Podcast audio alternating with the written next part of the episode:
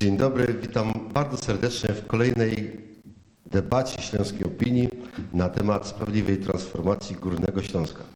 Dzisiaj w Związku Górnośląskim równie mili jak poprzednio goście i zacni. Szczególnie witam panią, jedyną w naszym gronie, panią y, Agnieszkę Sobol, panią doktor, która pracuje w Instytucie Rozwoju Miast i Regionu. Jest też specjalistą od samorządu terytorialnego. Witamy bardzo serdecznie. Równie serdecznie witam pana profesora, doktora habilitowanego nauk medycznych, pana Andrzeja Lekstona, Śląskie Centrum Chorób Serca w Zabrze. Dzień dobry. I kolejnym gościem jest śląski samorządowiec, wiceprezydent miasta Tychy, pan Maciej Gramatyka. Kłaniam się nisko. Dzień dobry. Proszę Państwa, rozmawiamy o transformacji naszego regionu. Y, Umownie mówimy o Śląsku, ale może na początek y, postarajmy się ustalić, mówiąc transformacja Śląska, czyli czego? Czy jesteśmy w stanie zakreślić ten obszar, o którym myślimy y, terytorialnie? Czy możemy wyznaczyć jakieś granice? Pani doktor. E, Przede wszystkim e, bardzo mi miło, dziękuję za zaproszenie. E, W tak znaczącym dniu się spotykamy, bo dzisiaj jest, przypada rocznica urodzin Mikołaja Kopernika. Z pewnością tutaj w tym czteroosobowym składzie nie dokonanym przewrotu kopernikańskiego. Natomiast Dziękuję, bo uważam, że ważne, żeby rozmawiać, zbierać te różne opinie i perspektywy na temat właśnie transformacji Śląska i czym ten Śląsk jest. E, Z pewnością e, nie oznacza granic wojewódzkich, prawda? Bo e, zupełnie inna sytuacja dotyczy e, północy naszego województwa, e, inna sytuacja e, dotyczy południa.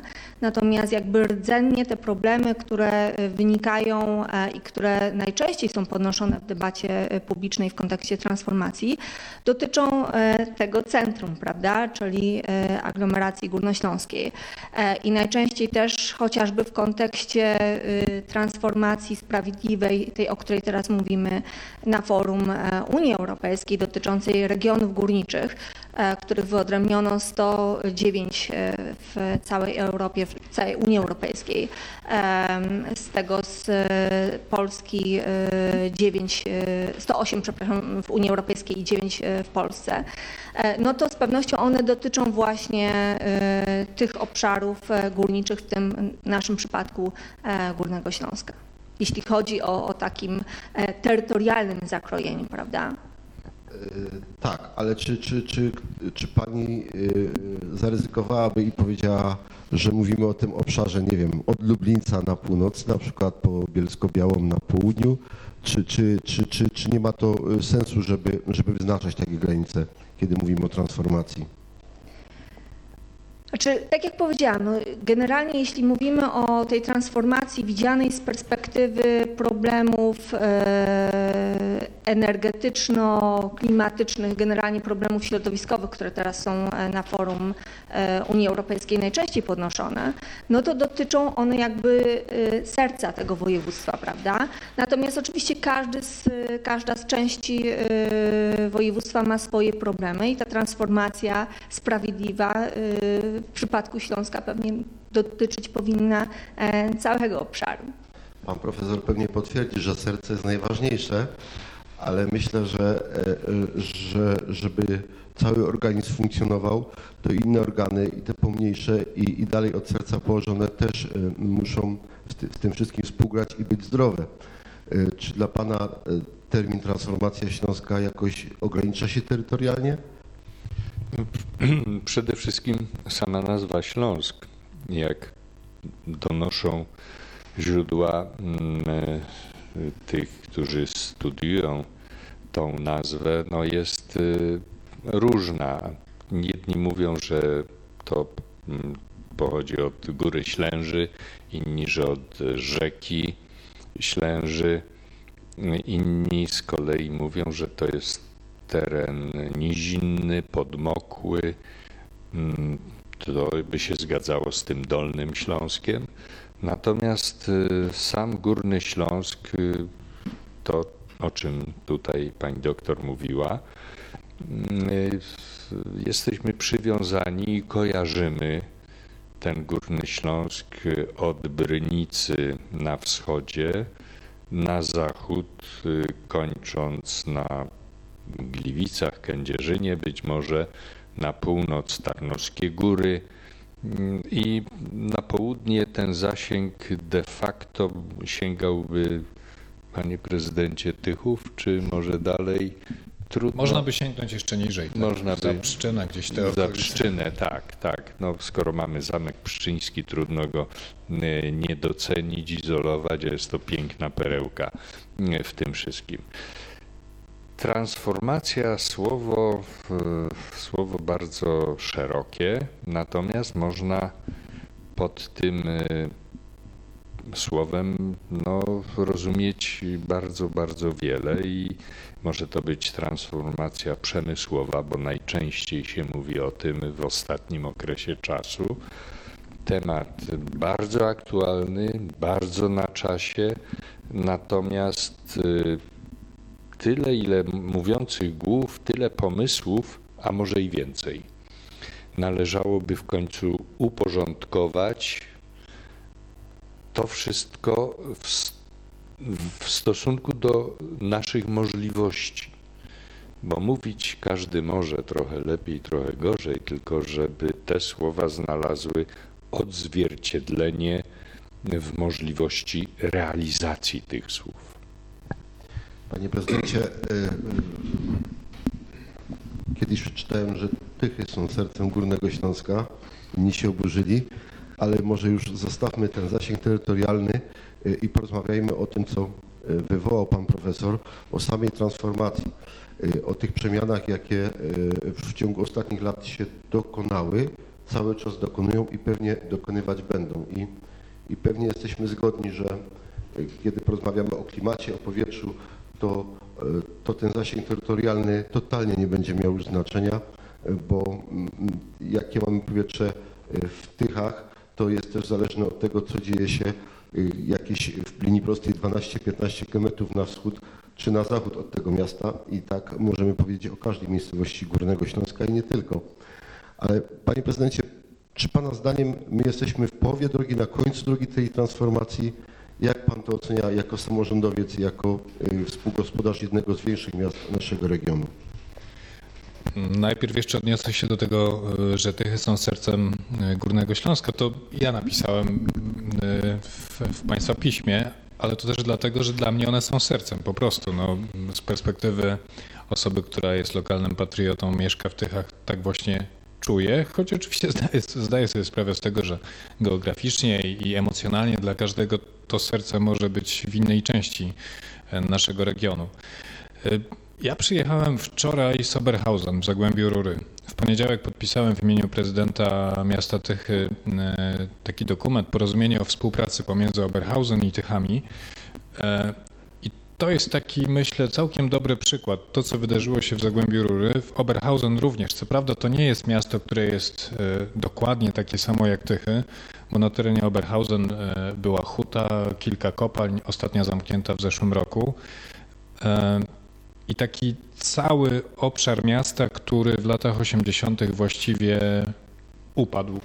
To było po prostu miejsce, które zostało wykorzystane przez przemysł, ale nie było przed nim przyszłości.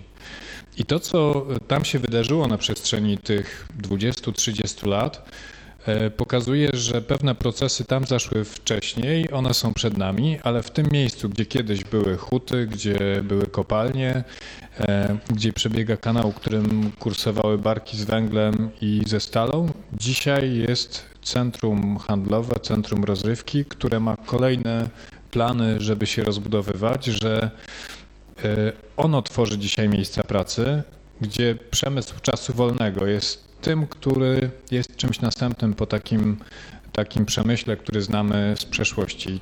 To jest transformacja, która tam już zaszła. Jak ja pytałem e, burmistrza tego miasta, czy oni się nie boją tego, że w sumie powstaje to gdzieś obok miasta, nie w centrum, czyli te nasze obawy, które tutaj mamy, mieszkańcy zamiast spędzać czas w centrum, będą spędzać czas właściwie poza, to jeszcze dowożąc ich do tego centrum, to działają na szkodę e, tego miasta. On mówi, no w pewnym sensie tak, a z drugiej strony to jest miejsce, które tworzy 20-30 tysięcy miejsc pracy. Wcześniej 40-50 pracowało w tym przemyśle. I to jest ten następny etap, etap tak naprawdę rozwoju tego miasta. I w dużej części to, co dzieje się w Zagłębiu Rury, jest takim przykładem tego, co, e, co nas czeka. No, czy chcemy, czy nie, to taki przemysł ciężki, jaki znamy, zapewne, zapewne będzie się zmieniał, będzie powoli ustępował miejsce czemuś innemu. I te przykłady mamy tutaj, bo przecież Katowice i Centrum Handlowe Silesia, czy e, Muzeum Śląskie w miejscu po terenie dawnej kopalni, to to są przykłady, że u nas też takie takie zjawiska następują. Co prawda one e, koncentrują się dzisiaj bardziej na wykorzystaniu e, takim kulturalnym bądź tylko handlowym. Tam to jest rozrywka. E, I jak pan prezes pyta, na jakim my jesteśmy etapie, ja myślę, że my jesteśmy w ciągłym procesie zmiany. Ostatnio zobaczyłem taki fragment kroniki filmowej z lat 70. dotyczący Tychów i tam między innymi mm, pokazane było kilka miejsc. Jedno utkwiło mi w pamięci, centrum ogrodnicze w Tychach. Olbrzymi zakład, y, wtedy realizatorzy kroniki filmowej chwalili rozmach, z jakim to centrum ogrodnicze działa, ile to tysięcy kwiatów mm, z tamtego centrum można pozyskać, ile ogórków i pomidorów. A wiecie Państwo, co dzisiaj tam jest? Strefa ekonomiczna i zakłady e, przemysłowe, fabryka silników Opla i różne inne, które pracują dla motoryzacji. To wszystko stało się na przestrzeni ostatnich 30-40 lat. I myślę, że to jeszcze nie koniec zmian. Dzisiaj to są te zakłady, a obok już teraz powstaje, jest centrum handlowe, które chce się rozwijać w stronę rozrywki.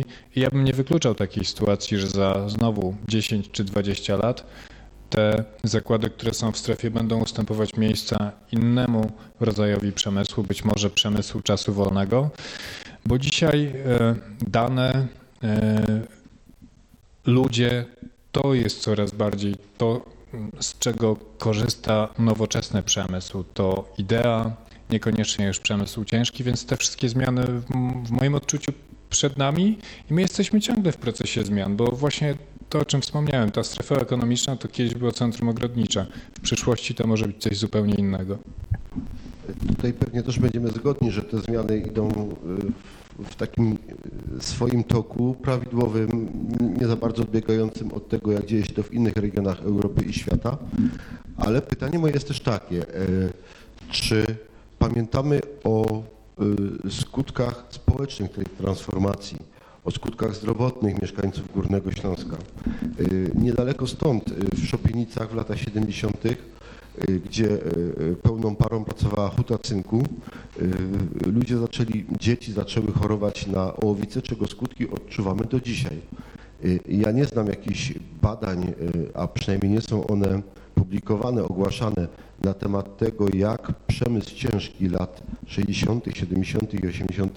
wpłynął na nasze zdrowie, a a, a symptom mamy taki, że odczuwamy to do dzisiaj.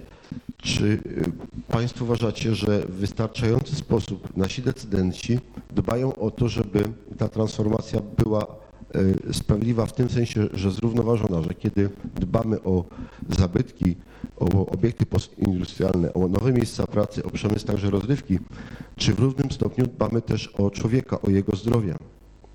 Panie doktorze, panie profesorze, jak pan to widzi jako lekarz? Proszę Państwa, nie jest tajemnicą, że ten teren był nazywany i w dalszym ciągu jest Górnośląski Okręg Przemysłowy. Sama nazwa wskazuje, że ten przemysł tutaj był bardzo dobrze rozwinięty, ale na ówczesne czasy dysponowaliśmy technologią, która nie gwarantowała bezpieczeństwa dla mieszkańców. Nie jest tajemnicą, że człowiek, który przyjeżdżał na Śląsk, mówił, że to powietrze inaczej pachnie tutaj. Ja mogę powiedzieć, jako wtedy młody lekarz, zaczynający w Zabrzu, że w okresie, kiedy koksownia Jadwiga, czyli jak mówiono hejtwiś, w, w nocy wypuszczała to, czego nie robiono w ciągu dnia, to byłem zmuszony niejednokrotnie przenosić pacjentów z sal, gdzie ruch powietrza był skierowany z tej koksowni na drugą stronę, czyli przez korytarz na drugie sale, aby można było spokojnie oddychać. Byli to chorzy kardiologiczni, czyli inaczej mówiąc, już ten proces krążenia był upośledzony. Nie jest tajemnicą kopalnia Walenty Wawel w Zabrzu, prawda, Jadwiga, y, czy te wszystkie huty, które stanowiły miejsce pracy, ale emitowały zbyt dużo gazów i pyłów trujących do atmosfery. Na szczęście ten okres mamy za sobą i w tej chwili największą emisję pyłów i gazów notujemy z tak zwanej niskiej emisji. Ludzie do mnie dzwonią i mówią, panie profesorze, co pan głowę zawraca, skoro jest niska, to po co pan ten temat rusza? Bo nie rozumieją, że niska emisja to nie z kominów fabrycznych, tylko z kominów o niskiej zabudowie, czyli z domów jednorodzinnych. W Polsce ten temat jest różnie postrzegany, bo największe zapylenie z najmniejszego województwa terytorialnego, można powiedzieć oprócz opolskiego, ale żeby się Opole nie obraziło, no bo to też Śląsk, to właśnie pochodzi tutaj z Górnego Śląska. I my powinniśmy zwrócić uwagę, żeby leczyć, jeżeli mogę użyć tego słowa, początek choroby, a nie koniec. Początek choroby, czyli likwidację przyczyn tego zanieczyszczenia. A w tej chwili 49,7% zanieczyszczeń to jest niska emisja z gospodarstw dom domowych i 13,6% to transport drogowy.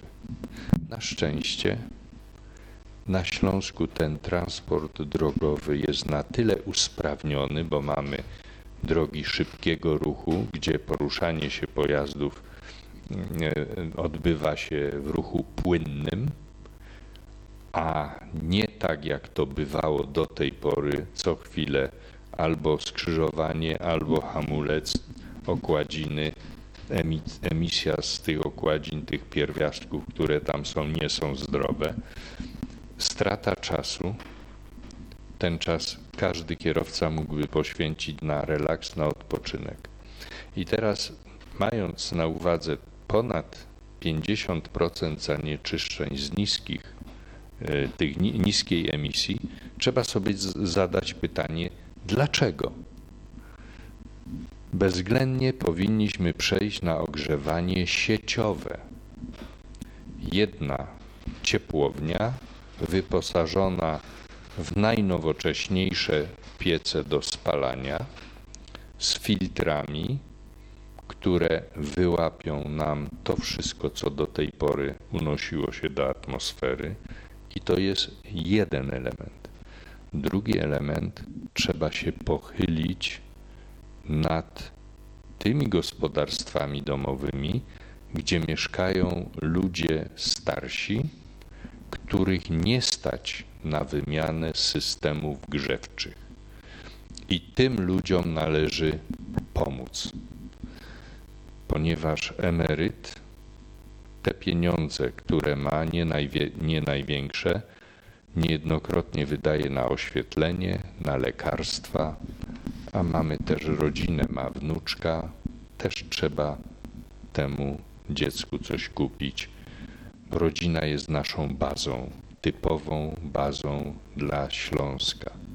Także prowadzimy w Śląskim Centrum Chorób Serca badania na temat wpływu zanieczyszczeń na zdrowie człowieka. I muszę Państwu powiedzieć, że w okresie smogowym śmiertelność ogólna, czyli z wszystkich przyczyn, wzrasta o 6%, a z przyczyn sercowo-naczyniowych o procent 8.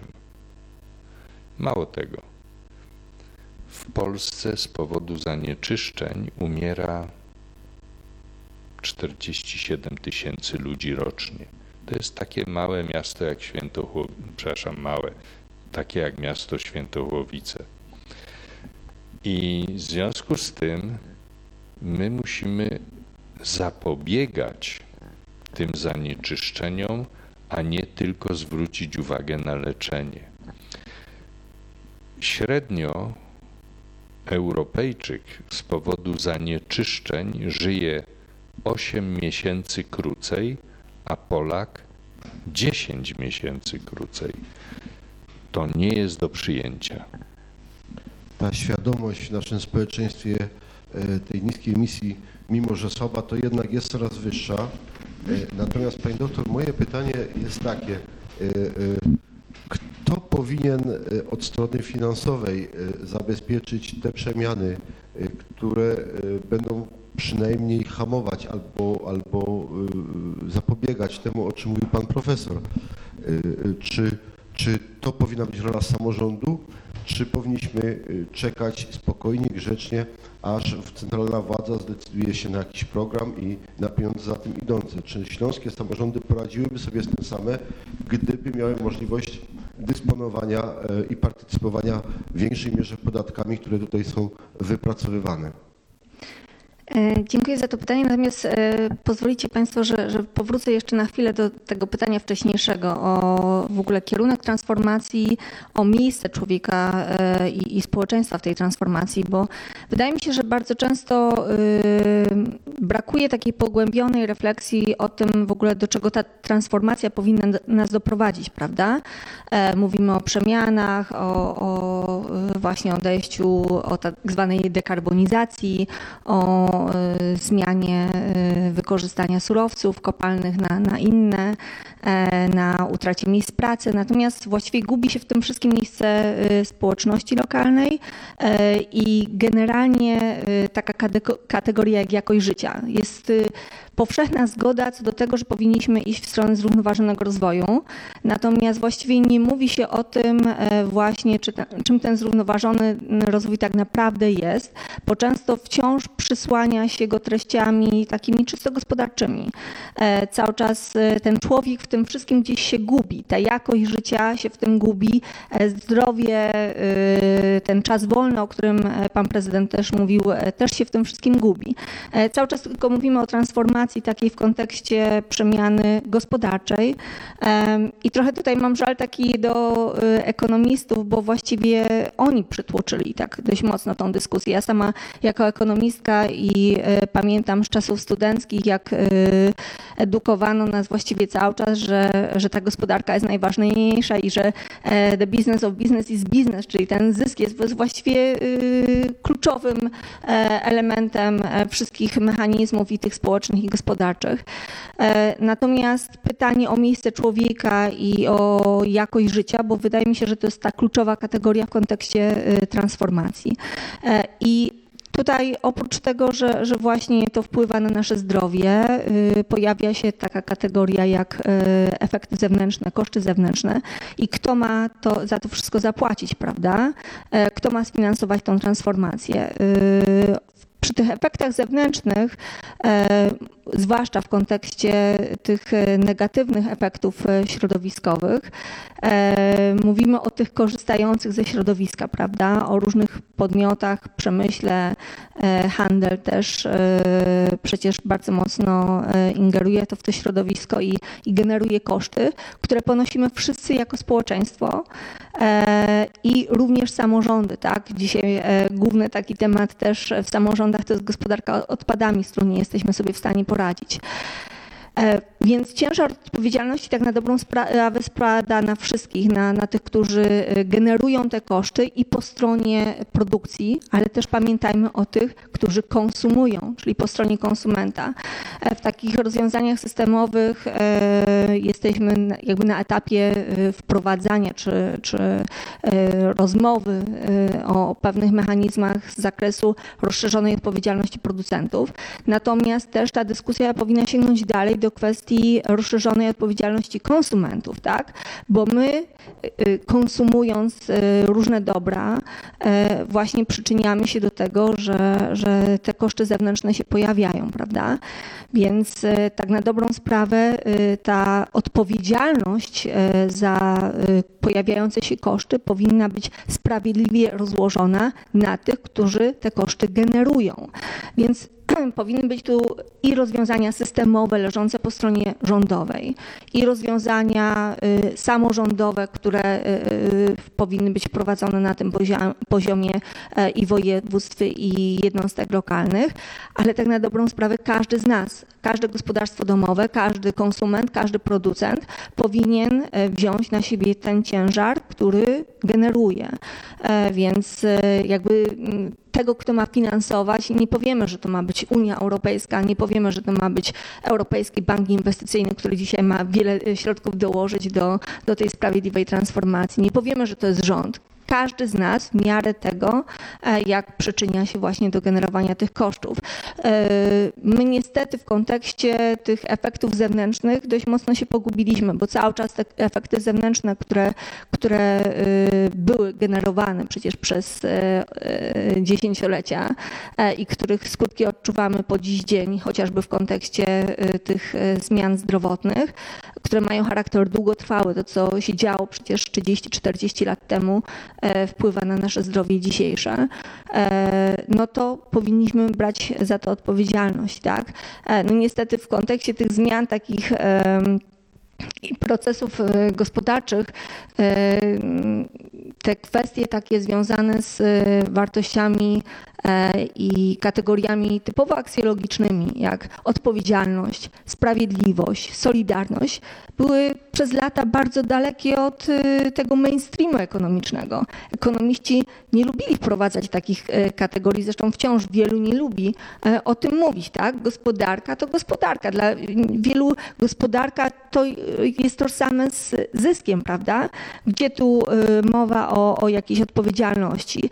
I w związku z tym e, właściwie e, cały czas mamy do czynienia z sytuacją, że, że te koszty niestety są upubliczniane, e, a zysk jest sprywatyzowany, prawda? Inwestor, właściciel, e, firma ma przyczyniać się do tego, żeby generować zysk. Tak jest rozumiana e, istota funkcjonowania e, gospodarki. Natomiast co się dzieje z kosztami, tego wielu, wielu wciąż to nie interesuje. Niestety. Gmina jest tym miejscem, gdzie, gdzie spotyka się i biznes, i, i spotykają się te problemy y, ludzi mieszkających w osiedlach, w domach, gdzie, gdzie dotykamy problemów i segregacji śmieci, i kosztów z tym związanych. Panie prezydencie, jak pańskimi oczami y, y, dziś to wygląda, jak można usprawnić czy, czy w ogóle wdrożyć to, o czym mówiła pani doktor, taką odpowiedzialność y, każdego podmiotu w swojej dziedzinie, czyli poczynając od biznesu, od wytwórcy jakiegoś materiału, a skończywszy na konsumencie, na, na tym, kto y, kupuje towar w, w reklamówce y, plastikowej i później go wyrzuca w jakiś sposób.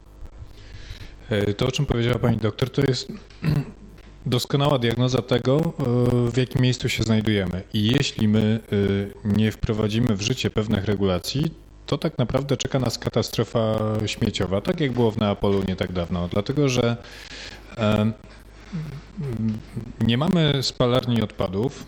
Mm, Dzisiaj sytuacja jest taka, że odpadów produkujemy coraz więcej. Każdego roku mieszkańcy produkują więcej odpadów.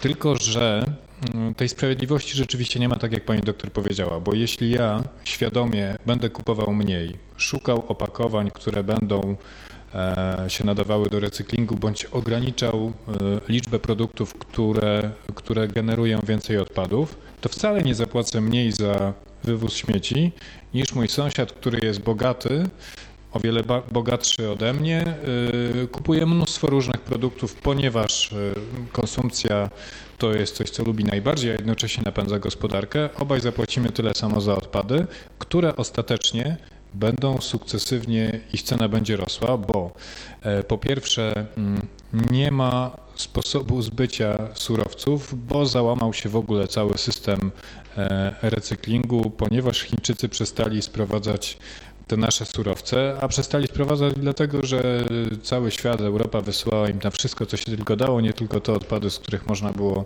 e, rzeczywiście pozyskiwać surowce e, wtórne. No i dzisiaj problem jest taki, że cała Europa dusi się z powodu e, plastiku i różnych innych materiałów, które teoretycznie można by wykorzystywać, ale znów do produkcji butelek plastikowych nie jest wykorzystywany surowiec z odzysku, tylko taki, który pozyskiwany jest nowy, dlatego że nie ma takiej odpowiedzialności, a producent nie płaci za e, wyprodukowany przez siebie potencjalny odpad żadnych pieniędzy, czyli to, o czym pani doktor powiedziała. Głównie producent patrzy na swój zysk, a odpad zostaje no, właściwie nas wszystkich, a tutaj spada na e, na samorząd, dlatego że z kolei ustawa, która została wprowadzona jakiś czas temu, powoduje, że to jest zadanie samorządu, żeby gospodarkę odpadami tak przeprowadzić, żeby po pierwsze uzyskać jak największą e, możliwość e, segregacji, co już jest bardzo trudne, bo nie jesteśmy do tego e, przygotowani, nie jesteśmy tego nauczeni. Po drugie, te zmiany dotyczące tego, jak powinniśmy segregować odpady, co chwilę ulegają jakimś dynamicznym procesom i tak jak na początku w niektórych miastach segregowano odpadu na, odpady na suche i mokre, bo instalacja, w której inwestowano pieniądze, pozwalała na to, żeby sobie potem przesegregować te mm, odpady, które da się wykorzystać i te, których się nie da wykorzystać. Dzisiaj segregujemy na cztery albo pięć frakcji, co powoduje, że tak naprawdę jest jeszcze większe zamieszanie w tym całym systemie, a na końcu, tak jak wspomniałem, żeby mm, te surowce gdzieś sprzedać, no to naprawdę trzeba mieć duże szczęście, bo tylko część z nich znajduje odbiorców. Ja, zapewne Państwo wiedzą, bo to ostatnio dosyć popularny e, problem. Szkoły przestały zbierać makulaturę. Jeszcze w zeszłym roku za zbiórkę makulatury szkoła mogła uzyskać nie w ciągu roku 2-3 tysiące. Dzisiaj ja się spotkałem w szkole, do której chodzi e, mój syn, że pan dyrektor napisał, żeby już nie przynosić makulatury, ponieważ on musi zapłacić za to, żeby, żeby firma odebrała od niego tę makulaturę. Naprawdę to wszystko stanęło na głowie. Jeśli my, każdy z nas z osobna, nie zauważy tego, że, że przykłada się mm, do tego problemu, to nikt za nas e, go nie rozwiąże. My dużo wiemy już dzisiaj o niskiej emisji, mimo wszystko dużo o szkodliwości e, palenia złej jakości węglem. Może mniej wiemy o tym, że drewno równie mocno szkodzi, chociaż samorządy mają możliwość wprowadzenia zakazu palenia drewnem i węglem i tak się dzieje w Krakowie, więc ta świadomość jest coraz większa. Oczywiście problem nieustannie jest duży, Natomiast o odpadach my prawie nic dzisiaj nie wiemy. To znaczy, za chwilę się dowiemy i to będzie dynamiczna i bardzo bolesna lekcja, dlatego że wzrosną ceny odpadów. One rosną od, od pewnego czasu, odbioru oczywiście y, śmieci, one rosną w poszczególnych miastach, ale od września naszym obowiązkiem będzie segregacja, a tam, gdzie zostanie stwierdzone, że e, odpady nie są segregowane, będą nakładane wyższe stawki, bo to wynika z ustawy. I to będzie bolesna lekcja dla nas wszystkich, dlatego że szczególnie w zabudowie wielorodzinnej, w blokach, no sami Państwo wiecie, y, weryfikacja tego, kto segreguje, kto nie, czy rzeczywiście segreguje, jest bardzo trudna. Natomiast mm, odpowiadając krótko na pytanie, czy samorząd jest w stanie sobie poradzić, no oczywiście, że nie jest. Bez e, regulacji prawnych, które pomogą samorządowi, bez odpowiedzialności, nałożenia na producentów odpowiedzialności za to, z jakich materiałów produkują e, opakowania, kaucji czy też opłaty za opakowania plastikowe, które zasilałyby budżet samorządu, właśnie ten dotyczący odpadów. to na pewno będzie bardzo trudno. Oczywiście pewnie stanie się tak, że samorządy, które zgodnie z ustawą nie mogą dokładać do tego systemu gospodarki odpadami, będą podwyższać opłaty, no ale wszyscy zapłacimy solidarnie, ale tak naprawdę najwięcej w efekcie zapłacą ci, którzy najmniej konsumują, najmniej kupują, czyli to nie jest sprawiedliwy system i tutaj powinna nastąpić taka zmiana. No właśnie, bo o ile potrafimy sobie wyobrazić uregulowania prawne dotyczące producentów i, i, i całego systemu już odbioru tych śmieci i, tymi, i, te, i tego, co się z nimi dalej dzie, dzieje, to jakoś ja nie potrafię sobie wyobrazić y, i nie mam pomysłu na to, jak y, zmusić albo skutecznie zachęcić społeczeństwo, swojego sąsiada, swoich krewnych, żeby te śmieci odpowiednio segregowali. Czy, czy, czy my jesteśmy w stanie coś umyśleć tutaj na poziomie gminy, y, na poziomie naszych wspólnot lo- lokalnych. My będziemy świadkami, właściwie już jesteśmy e, wielu kampanii, które będą realizowane w poszczególnych miastach, w metropolii. Wiem, że taki, e, taki pomysł też jest i myślę, że my takiego problemu z segregacją odpadów e, w zabudowie jednorodzinnej nie mamy, bo tam odpowiedzialność za to jest o wiele większa, dlatego że przyjeżdża samochód i patrzy, tu ma być plastik, tu szkło, tu odpady bio, a tam jeszcze coś i to łatwo można wychwycić. E, W zabudowie wielorodzinnej to jest o wiele większy problem, ale to będzie bolesne. Natomiast myślę, że niedługo przed nami po prostu wyższe stawki, które znów niestety będą nakładane. Tak, nie będą sprawiedliwe, bo wystarczy jeden czy dwóch sąsiadów e, w danym bloku, którzy będą mieli w nosie segregowanie i wszyscy e, będą solidarnie ponosić wyższe opłaty. A to znów, to troszkę tak jak, jak z tym Oberhausen i tym, jak następowała przemiana e, w tym mieście, które było właściwie uzależnione od przemysłu ciężkiego, od huty, koksowni, kopalni. Dzisiaj to się mocno zmieniło, chociaż miasto dalej ma problem socjalny, dalej jest stosunkowo ubogie na tle innych miast e, okolicznych. Natomiast te przemiany tam już nastąpiły. E, Z odpadami jest podobnie. W innych częściach Europy te przemiany i świadomość już nastąpiła. Kaucje za, od, za, za na przykład plastikowe butelki przecież są wprowadzone i te opłaty.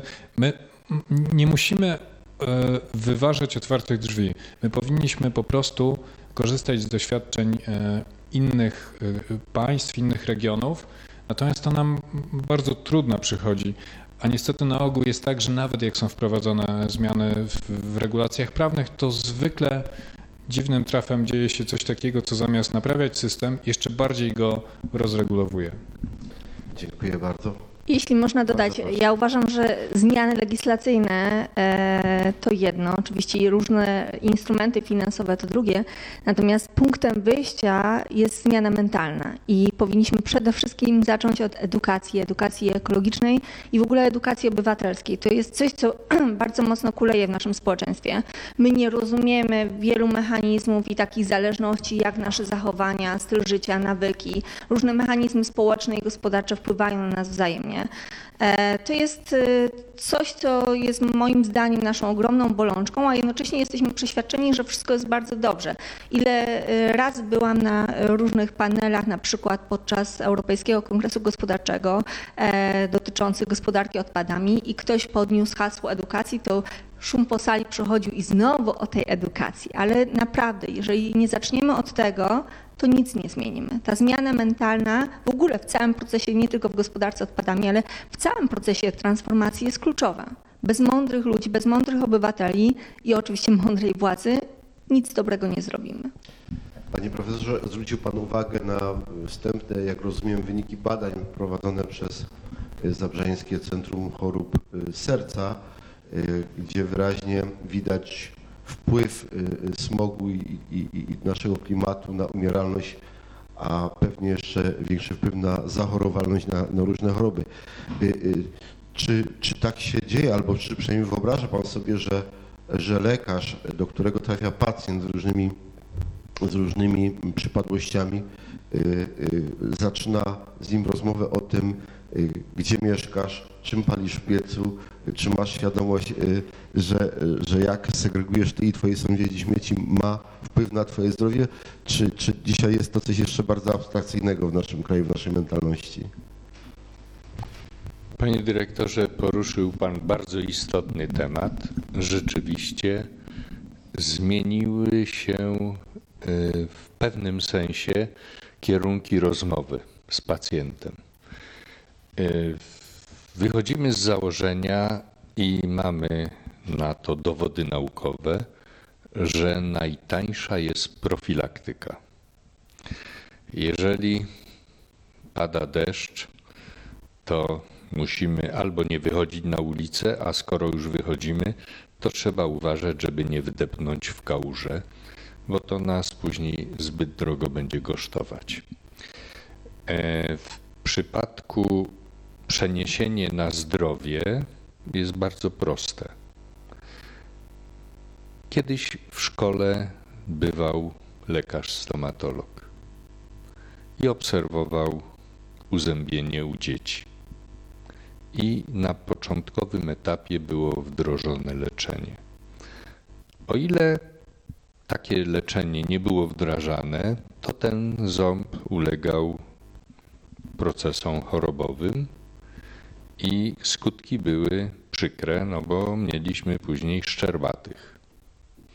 W przypadku chorób serca i nie tylko chorób serca, ale chorób płuc, ta profilaktyka jest najistotniejsza, a w ogóle we wszystkim.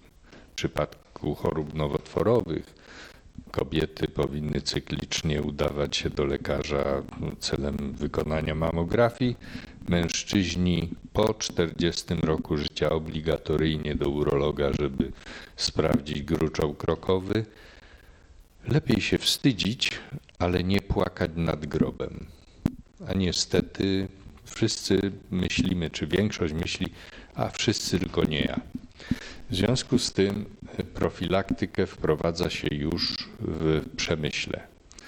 Wprowadza się urządzenia, które mniej emitują do atmosfery. Próbuje się zastąpić czarną energię energią niebieską. Prowadzi się badania w Instytucie Przeróbki Węgla w Zabrzu, jak to zrobić najmniejszym kosztem. Prowadzi się badania w wielu placówkach medycznych i my obecnie prowadzimy z Urzędem Marszałkowskim bardzo szeroki program, jak zanieczyszczenia powietrza wpływają na zdrowie ludzi, na poszczególne jednostki chorobowe. I chcemy nałożyć mapę zanieczyszczeń w województwie na występowanie poszczególnych chorób na tym terenie czy zaostrzenie, żeby nie straszyć ludzi, ale ostrzegać, co człowiek, pacjent z danym schorzeniem powinien w tym temacie, w tym okresie czasu robić, a czego nie powinien robić. Także opieranie się tylko na intuicji nie jest dobrym wyjściem. Trzeba opierać się na badaniach naukowych. Powiem Państwu, że odnośnie tych zanieczyszczeń powietrza, w Polsce, tak jak już zaznaczyłem, umiera sporo ludzi z powodu chorób sercowo-naczyniowych, z powodu nowotworów płuc, z powodu przewlekłej obturacyjnej choroby płuc. I tutaj zaraz pojawiły się pytania. Tak, ale przecież większość to są ci ludzie, którzy palą papierosy. Nieprawda.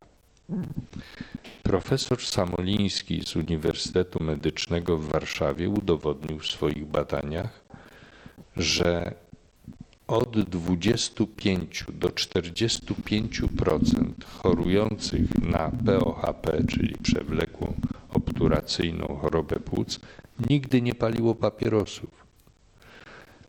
A mamy to z dobrodziejstwem atmosfery.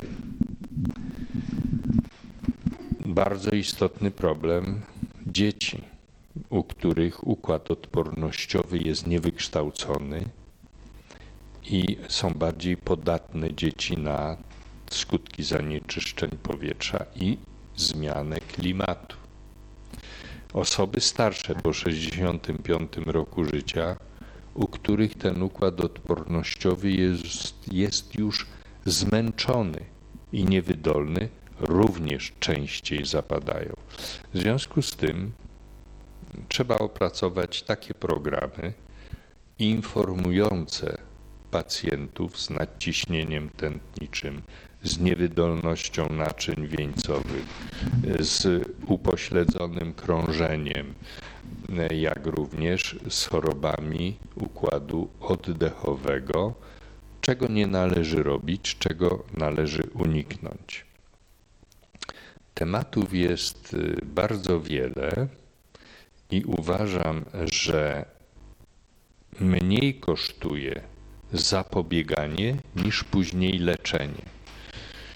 Zanieczyszczenia powietrza kosztują nas jako społeczeństwo 13% P- PKB, a wydatki na służbę zdrowia były do tej pory 4,7% PKB. Niektórzy politycy mówią, że się zbliżamy do 5%. Chciałbym, aby to udowodniono, bo mówić każdy może, tak jak powiedziałem. E, Docelowo te potrzeby są znacznie większe, ale wracając do tych em, skutków zanieczyszczeń, to są utracone dni pracy, to są wcześniejsze renty czy emerytury, to jest obniżona wydajność pracy ludzi zmęczonych tym zanieczyszczeniem. To są utracone lata życia, nie do odwrócenia. A te pieniądze mogłyby być wydane na inne cele, chociażby na leczenie dzieci, na budowę żłobków, przedszkoli czy budowę domów spokojnej jesieni, bo zmienia się model życia i zmienia się możliwość pomocy przede wszystkim ludziom starszym. Młodzi ludzie idą do pracy, nie mają czasu, żeby się opiekować swoimi starszymi rodzicami. I tutaj powinniśmy również zrozumieć, dlaczego domy spokojnej jesieni albo dzienny pobyt, albo całodobowy. Dzienny pobyt, żeby ci starsi ludzie mogli pójść, porozmawiać w grupie, pograć w szkata i wieczorem wrócić do domu.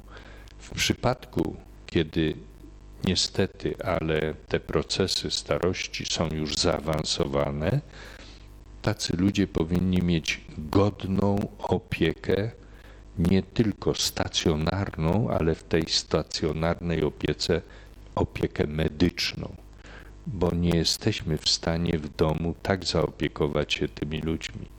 I wracając do, z drugiej strony do, do młodzieży, do dzieci, integracja dzieci w przedszkolu, w dobrym przedszkolu, pozwala na kształtowanie charakterów tego dziecka. To dziecko nabywa pewności siebie, uczy się rozmawiać, obcować w towarzystwie innych dzieci. Mało tego, można już zaczynać naukę języków.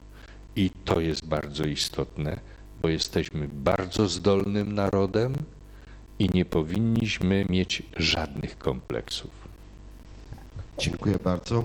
Z naszej rozmowy dość jasno wynika, że, że proces transformacji, transformacji sprawiedliwej, której przecież pragniemy, y, jest dość skomplikowany i, i, i i jest to po prostu system, system różnych naczyń połączonych, bo mówimy tutaj o biznesie, który produkuje usługi, towary.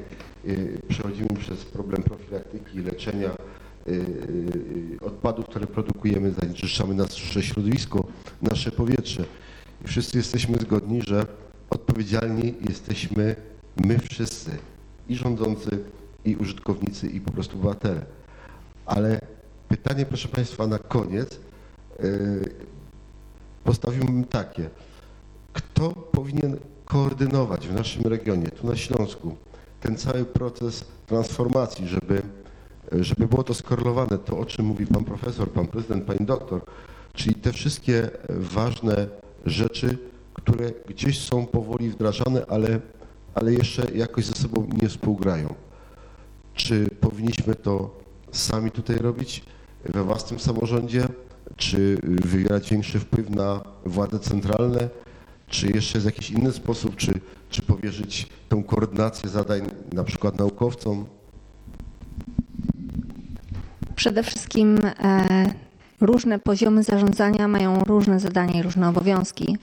E, oczywiście potrzebne są takie rozwiązania systemowe, e, które kreowane są chociażby poprzez krajową politykę miejską, nad którą teraz pracujemy. I one powinny ułatwiać pracę samorządom i tym wojewódzkim, i samorządom lokalnym. E, Oczywiście ważni są politycy, e, natomiast potrzeba nam, to co już wcześniej powiedziałam, mądrych polityków.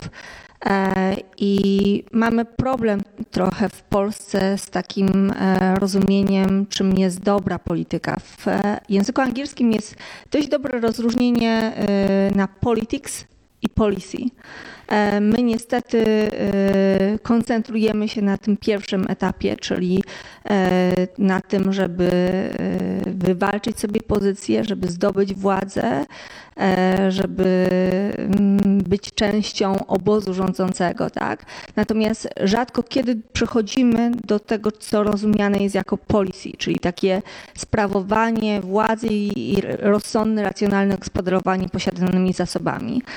E, I generalnie tą odpowiedzialność y, nie powinniśmy tutaj składać na e, ręce rządzących, bo często wielu tak się usprawiedliwia. Co ja mam do tego? E, Rządzący w końcu za to odpowiadają.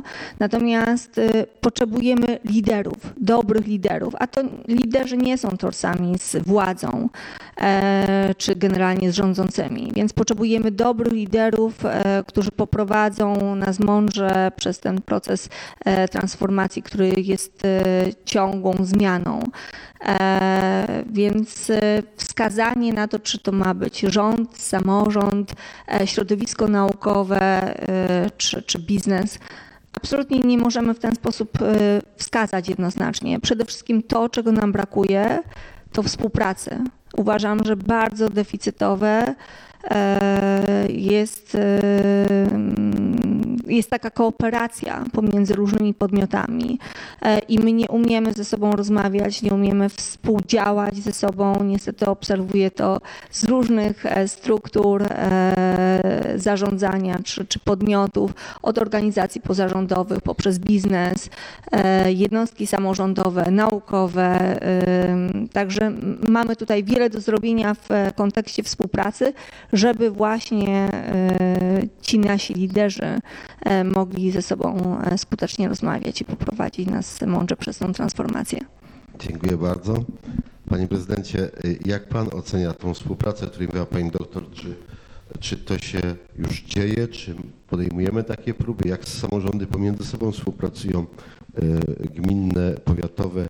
Jak wygląda dziś współpraca samorządów niższego szczebla z samorządem wojewódzkim i z władzą centralną? Jaki jest bilans tego, co wspólnie robicie albo, albo nie robicie?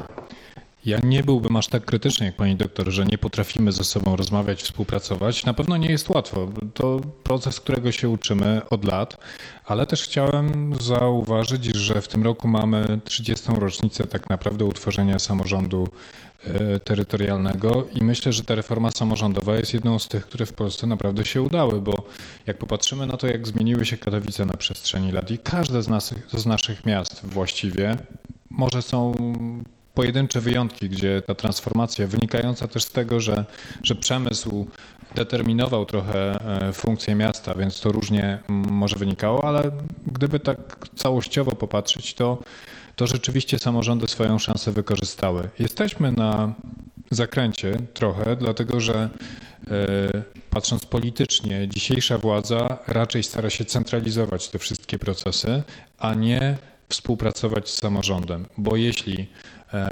okazuje się na przykład, y, y, że władza centralna narzuca na samorząd pewną odpowiedzialność, ale również za tym i koszty, które są w budżecie. I pan premier mówi, że przecież samorządy mają większy wpływ z PIT-u, w związku z tym mogą na siebie wziąć odpowiedzialność za finansowanie szkół.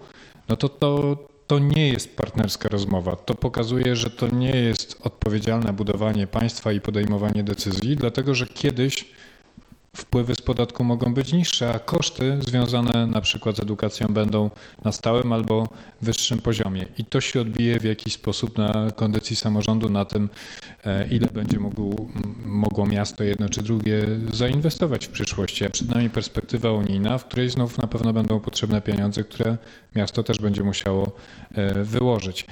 Patrząc na to, co powinno wydarzyć się z mojej perspektywy w przyszłości, to, to zresztą tu się zgadzam z panią doktor.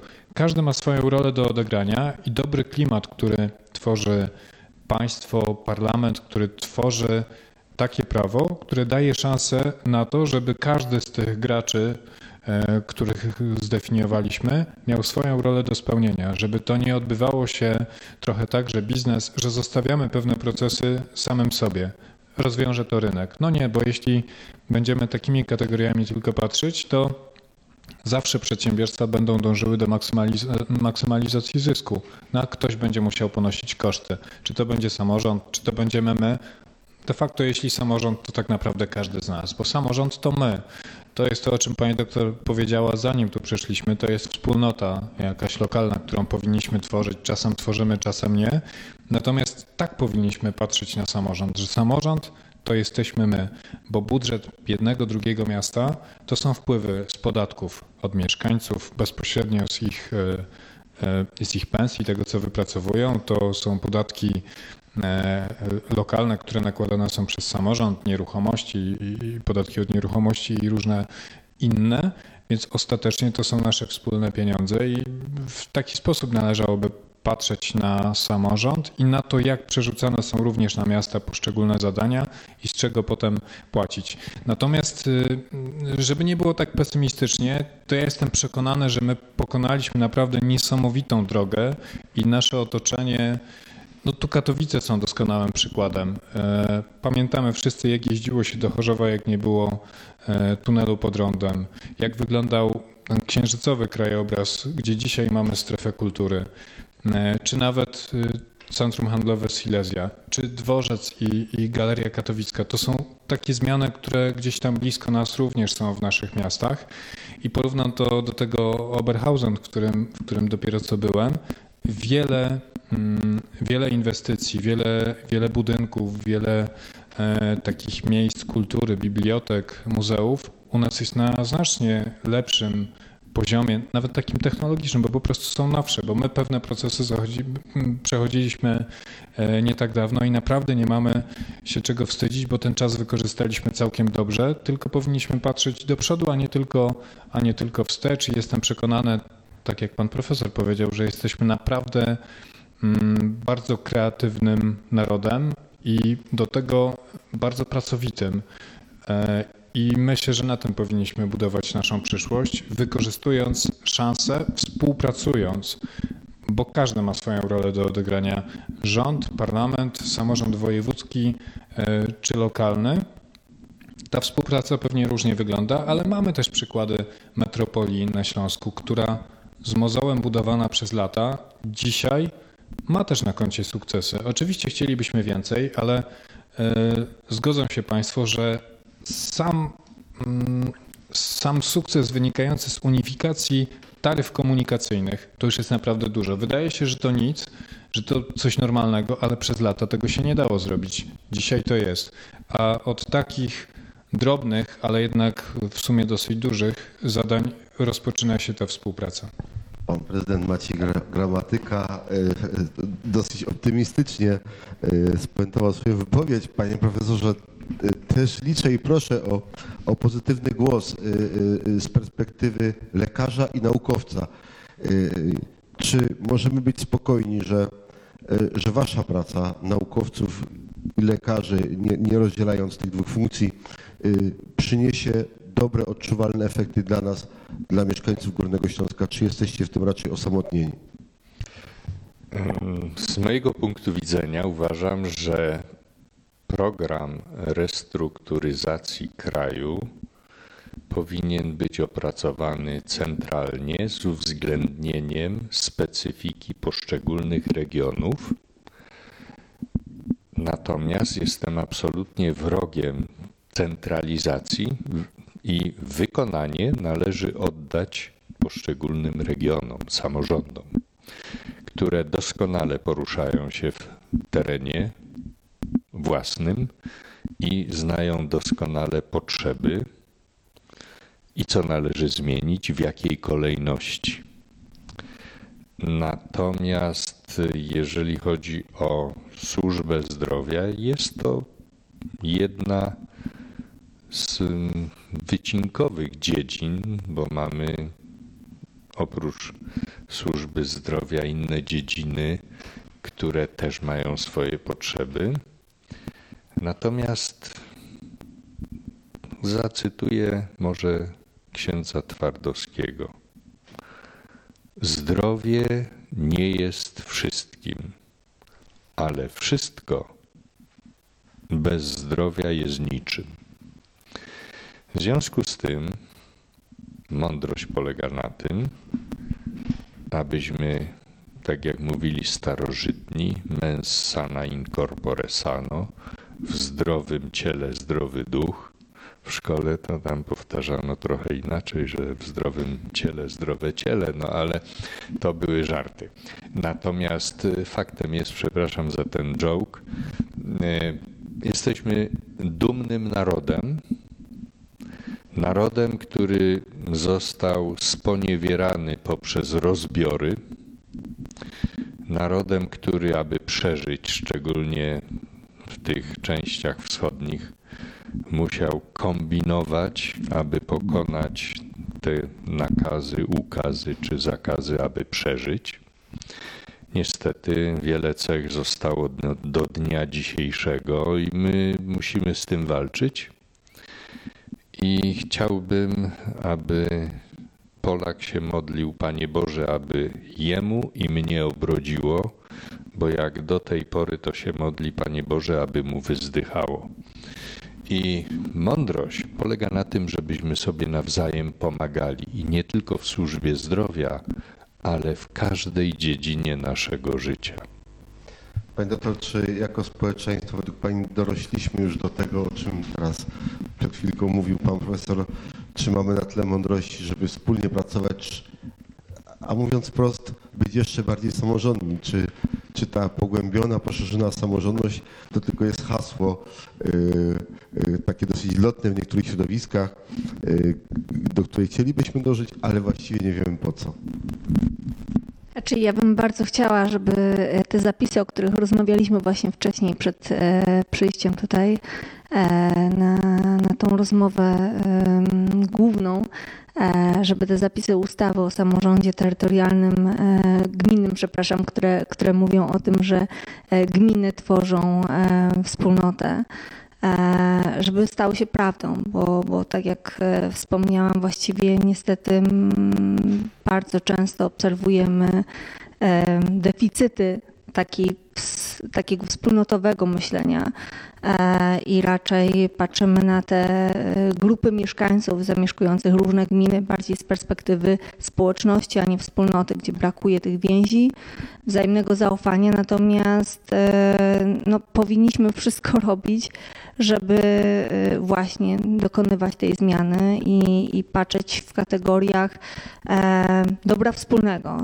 przełamywać to, co w szkole niestety też jest związane z takim bardzo indywidualistycznym sposobem patrzenia na świat, że każdy dla siebie, każdy pracuje na swój indywidualny sukces. Nie myślimy zespołowo, nie gramy do jednej bramki, tylko właśnie taki sposób myślenia, że każdy pracuje na własne konto. E, To, co kiedyś też profesor Czapiński mówił, że e, przeszliśmy kryzys gospodarczy dość gładko, ponieważ no, y, jesteśmy mądrym społeczeństwem, tak jak już to dzisiaj e, z- zostało wypowiedziane. Natomiast każdy pracuje właśnie e, dla siebie i ten kapitał ludzki jest generalnie bardzo wysoko oceniany, jeśli chodzi o Polskę. Natomiast zdecydowanie jest gorzej z kapitałem społecznym, e, gdzie właśnie ważne są te elementy związane ze współdziałaniem, ze wzajemną pomocą, o której mówił pan profesor, e, o tym, żebyśmy patrzyli e, na drugiego człowieka w sposób przyjazny, żebyśmy wspólnie o to dobro wspólne walczyli. E, Jeżeli zaczniemy myśleć tymi kategoriami i, i właśnie jeżeli ten system edukacyjny też się zmieni, e, no to tutaj jest e, nadzieja na to, że, że będzie coraz lepiej. Szanowni Państwo, nie kończymy naszej rozmowy, my ją po prostu przerywamy. Zachęcamy do oglądania kolejnych debat i do włączenia się do dyskusji, chociażby poprzez komentowanie tego, co Państwo usłyszeliście. A dzisiaj bardzo serdecznie dziękuję naszym gościom. Dziękuję szczególnie za słowa o wspólnej odpowiedzialności za sprawiedliwą transformację Śląska. Naszymi gośćmi byli pani dr Agnieszka Sobol, dziękuję bardzo, pan profesor e, Andrzej Lekston, dziękuję bardzo i pan prezydent Maciej Gramatyka, wielkie dzięki. Dziękuję bardzo. Do zobaczenia na Śląskiej Opinii.